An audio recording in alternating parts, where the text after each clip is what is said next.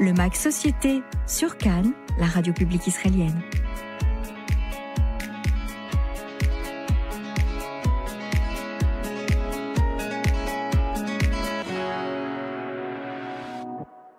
Bonsoir à tous, Emmanuel Ada au micro ce soir et j'ai le plaisir d'avoir avec nous en ligne Claude Breitman, la directrice du collège académique de Natania, pour nous parler du nouveau programme, du nouveau cycle de conférences du campus francophone du collège académique qui va démarrer dans quelques jours. Et puis en plus, cette année, eh bien, on célèbre un anniversaire puisqu'il s'agit des 15 ans euh, de ce célèbre campus. Bonsoir Claude. Bonsoir Emmanuel. Alors on célèbre les 15 ans du campus francophone du collège de Natania et vous avez choisi cette année un thème très fort, un thème très important, d'actualité, mais aussi très compliqué. C'est vrai, mais vous savez, je vais vous dire, nous, nous sommes euh, finalement, euh, nous ciblons deux missions essentielles. Hein. Souvenez-vous que tout ce que nous faisons, c'est euh, principalement pour apporter un maximum de, de soutien aux jeunes étudiants qui viennent de France. Mhm. Et nous sommes devenus véritablement un modèle d'intégration grâce aux bourses que nous fournissons, grâce aux tuteurs qui accompagnent nos, nos jeunes étudiants. Et bien plus, il se trouve que nous, nous recevons en échange de ces jeunes étudiants des choses extraordinaires. Ils font du volontariat auprès des jeunes euh, euh, de Natania qui sont en difficulté scolaire et ils sont d'une telle fidélité par rapport au campus qui a été leur maison, qui a été la première étape qui leur a permis de démarrer dans la vie en Israël, que nous en sommes infiniment à la fois fiers, reconnaissants et émus. Alors ce qu'on fait au-delà, si vous voulez, de ce soutien, pour véritablement apporter quelque chose de plus, c'est ces fameux cycles dont vous avez parlé très gentiment il y a une seconde. Et cette année, nous avons choisi comme thème pouvoir et contre-pouvoir. Hein. Ça fait suite à Renaissance et résilience, ça fait suite à des des repères, etc. Et on est en plein dans euh, l'actualité avec tout ce qui se passe en Israël.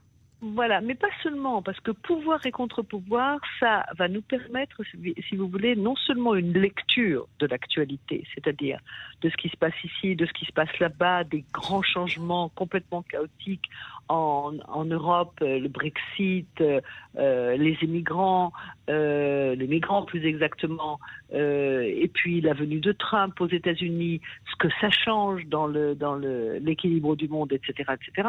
Mhm. Et puis bien entendu également toutes les formes, si vous voulez, de pouvoir aujourd'hui qui sortent du schéma classique du décideur qui peut absolument se permettre pratiquement tout. Comme les réseaux sociaux, par exemple.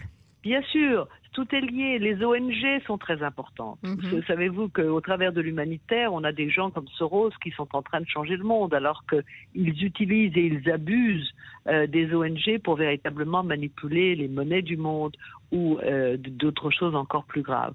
Et, donc c'est très important d'avoir une lecture lucide et euh, intéressante au travers de grands experts euh, qui vont nous permettre également finalement de retrouver une espèce de code, si vous voulez, de, une charte de, morale et d'éthique euh, sociale et politique qui nous fera mieux juger euh, non seulement les événements, mais les personnes. Parce qu'au bout du compte, si vous voulez, je crois que vraiment les hommes et les femmes d'aujourd'hui vont changer un certain nombre de paramètres qui vont nous amener à un monde extrêmement différent. Donc voilà, beaucoup de chance parce que. Ça, c'est sûr. Euh, Quand on voit le programme, en tout cas, on, le sait, on le voit qu'on a beaucoup de chance.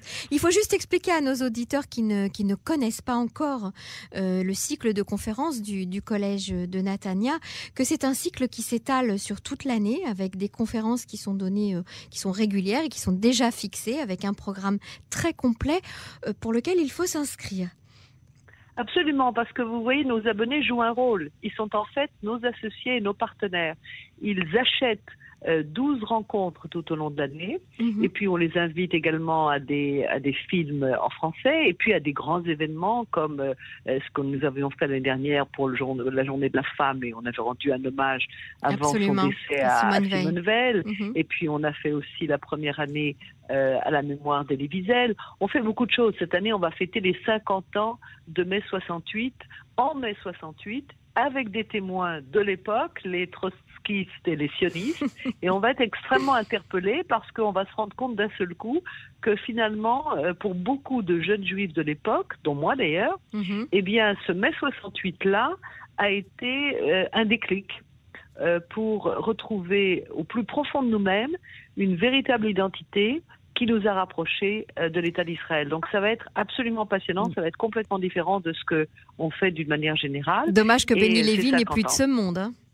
Non, mais on aura en son nom euh, le docteur Elie Schoenfeld, qui a été son élève, son élève euh, qui est un, brillantissime jeune philosophe et qui euh, connaît à merveille le travail, le parcours, euh, l'inspiration, euh, la détermination de Lévy et qu'on retrouve d'ailleurs dans les, dans les écrits et dans le parcours de, de BHL ou bien de, de mhm. Milner ou d'autres grands philosophes de Finkielkraut également aujourd'hui qui quelque part, si vous voulez, bon, hésite plus, hésite moins.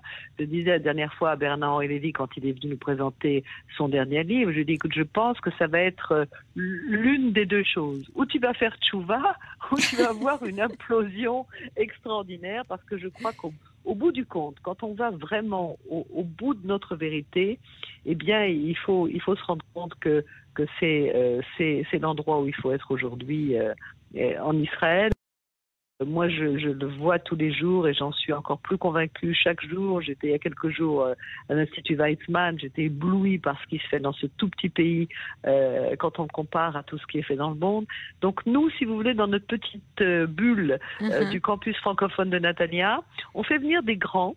Hein, on va avoir. Absolument. Alors justement, la, première séance, c'est la première séance, c'est la séance inaugurale. Voilà, c'est le 12. C'est le 12 novembre. C'est dimanche ce dimanche soir, nous avons un, grand ami du collège. Hein. Jean-François Copé a été quelqu'un qui a été à nos côtés dès le premier jour, qui a tout de suite compris la dimension d'un lien universitaire et académique entre la France et Israël au niveau des jeunes étudiants. Parce que lui, vous savez, il avait, créé, la Génération France. Il avait un petit peu compris avant euh, les nouveaux venus, y compris le président Macron, que la jeunesse portait en elle euh, tous les les messages mhm. dont il faudrait tenir compte demain matin. Et euh, il a été le premier à accepter de venir parler, euh, d'abord pour nous décrypter vraiment euh, l'actualité, de nous donner un éclairage d'un homme politique avisé, expérimenté, mais aussi avec un grand amour d'Israël, dans la diversité, parce que vous savez que sa seconde épouse est une Nadia est quelqu'un est une jeune femme kabyle, et donc il y a un mélange de cultures dans sa vie personnelle, et c'est très intéressant de voir la manière dont il regarde et dont il cherche à se rapprocher un très grand nombre de domaines qui sont euh, faits en Israël. Donc on va avoir sa, sa communication pour démarrer pour la grande séance inaugurale. Mhm. Nous aurons la joie aussi d'écouter euh, Marc Eisenberg, qui est notre partenaire, puisqu'il est à la tête de l'Alliance Israël universelle avec l'Institut Lévinas, qui est dirigé par notre grand ami Gérard Abinovitch, euh, professeur Abinovitch. Et puis, nous aurons également l'intervention de, de jeunes étudiants qui vont raconter ce que c'est euh, que de rencontrer euh, précisément un environnement euh, académique, universitaire, affectif, sociétal comme ce qu'on leur offre à Natania et ce que ça veut dire pour eux? Et ce que ça leur a permis de faire et d'accomplir dans leur vie? Je crois que c'est ça le plus important. Alors, et puis nous continuerons. Voilà, alors des intervenants de très grande qualité euh, comme toujours, avec des noms que, que l'on voit souvent et des noms que l'on voit moins souvent, comme par exemple Françoise Imray euh, qui va justement animer la soirée du, du 26 novembre sur un thème très important, hein, sur le thème des droits de l'homme. Euh, Françoise Imray n'est pas venue en Israël depuis longtemps. Eh bien, écoutez, elle n'est pas venue depuis, à mon avis, 5 ou 6 ans, parce que nous avons eu la joie de la voir euh, une fois pour un grand, une grande journée de la francophonie. Mhm. Mais c'est un homme exemplaire. Vous savez, c'est quelqu'un qui euh, a fait un parcours remarquable de grand diplomate, qui a toujours été du côté des droits de l'homme. Euh, il est aujourd'hui ambassadeur au Danemark. Il a été l'ambassadeur des droits de l'homme à Bruxelles pendant de longues années, sous Sarkozy et sous Hollande. Euh, c'est un homme qui a véritablement beaucoup à dire et euh, qui est au cœur, si vous voulez, de ce grand dilemme, de, cette grande interrogation éthique euh, qui est constamment mise sur le tapis par un, petit peu le cannibalisme médiatique dont on souffre aujourd'hui, mais qui est quand même là pour interroger constamment où est la limite, où sont les limites, qu'est-ce qu'on peut se permettre de faire, dans quelles conditions, auprès de qui on doit être quand on est aujourd'hui un décideur politique qui a l'ambition d'avoir euh, un petit peu dans ce que voulait faire euh, François Bayrou en France, une certaine moralisation de la politique. Donc c'est très important d'écouter un monsieur qui a cette expérience-là. Il va venir nous parler. Nous aurons Paul Amar qui va précisément nous parler du cannibalisme médiatique et de cette force. Euh, Il aime revenir en Israël, hein Paul Amar. Écoutez, Paul, Paul, à mon avis, je vais vous dire la, la vérité, je pense que c'est quelqu'un qui a été qui a eu une rencontre extraordinaire avec Israël grâce à I-24, qu'il a fait venir euh, il y a donc 2-3 ans. Mhm. Et euh, je crois que sa vie profondément a complètement changé avec euh, ce passage en Israël, euh, le fait qu'il y ait rencontré des gens, le fait qu'il se, s'y sente chez lui. Il revient, il est, venu passer quelques jours de vacances là dernièrement, et euh, au-delà, il a, très très envie de se rapprocher d'Israël d'une manière ou d'une autre, et on est parfaitement heureux de l'avoir. On aura aussi un, une grande voix de la justice, un expert de la justice israélienne, qui va véritablement nous donner un éclairage très important sur le rôle de la Cour suprême en Israël. Claude Klein. Euh, mhm. voilà, Claude Klein, vous savez, c'est, c'est quelqu'un qui va peut-être euh, nous faire comprendre ce que ça veut dire, euh, ce système où tout est jugeable et où finalement, si vous voulez, le dernier mot dans les, dans les grandes lois très importantes pour le pays ou dans les grandes décisions à prendre, eh bien le dernier mot c'est toujours à la Cour suprême, parce mm. que d'une manière ou d'une autre, comme on n'arrive pas à négocier, si vous voulez, entre les différentes, euh, dans entre les différents partis, entre les différentes forces en présence, eh bien la Cour suprême reste quand même ce havre de, de, décisions possibles complètement acceptées, complètement respectées. Et autonome. Et autonome, mais très controversé quand même. Bien entendu, bien entendu. Est-ce qu'il y a quelque chose qui n'est pas controversé en Israël? Je veux dire, ça c'est un, euphémisme, ma chère Emmanuel. Ça c'est clairement euh, un peu. C'est probablement euh, à la fois notre immense avantage. Euh, notre qualité, notre défaut. voilà, de cette culture démocratique complètement, je veux dire, effrénée d'une part, et d'un autre côté, eh bien, l'absence de pouvoir politique finalement dans ce qui fait le quotidien de chacun d'entre nous. Ceci dit, c'est très important de comprendre comment ça fonctionne avant de pouvoir Absolument, critiquer, et surtout pour les nouveaux émigrants et pour les, et pour les autres. Absolument. Et euh, nous aurons euh, Armand Abécassis qui va nous parler de tout ce que ça veut dire, le mot, le mot. Quel est le pouvoir du mot? À la fois écrit, à la fois parlé.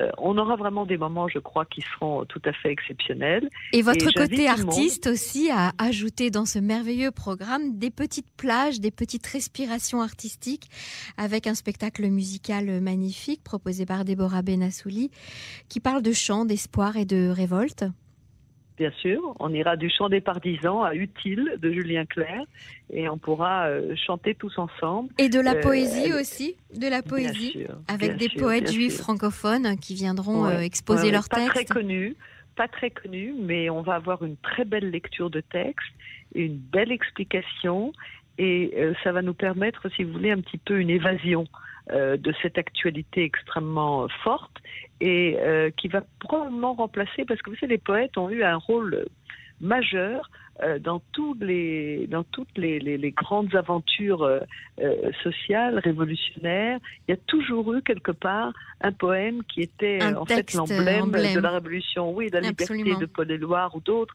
Et mais quand on va voir les poètes juifs, on va se rendre compte à quel point il y a un, un, contenu extrêmement impressionnant euh, de, de, ces mots, de cette poésie, euh, pour essayer d'aller au plus profond de l'âme euh, de ce qui se passe quand ils écrivent et ça va être très intéressant. Je crois qu'on va passer une très belle année.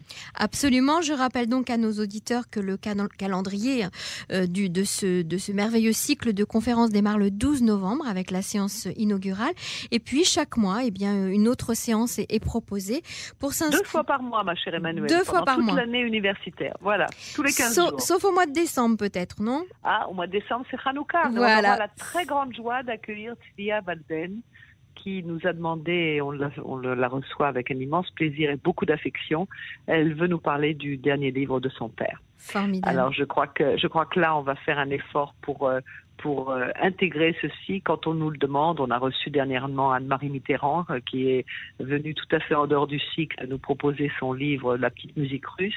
Une femme exceptionnelle avec une, un amour d'Israël qui compliqué à comprendre, mais enfin, quand on nous a dit qu'elle avait nommé son deuxième fils Moïse Mitterrand, euh, je, je Extraordinaire. Dire on s'est retrouvé, absolument bouche bée.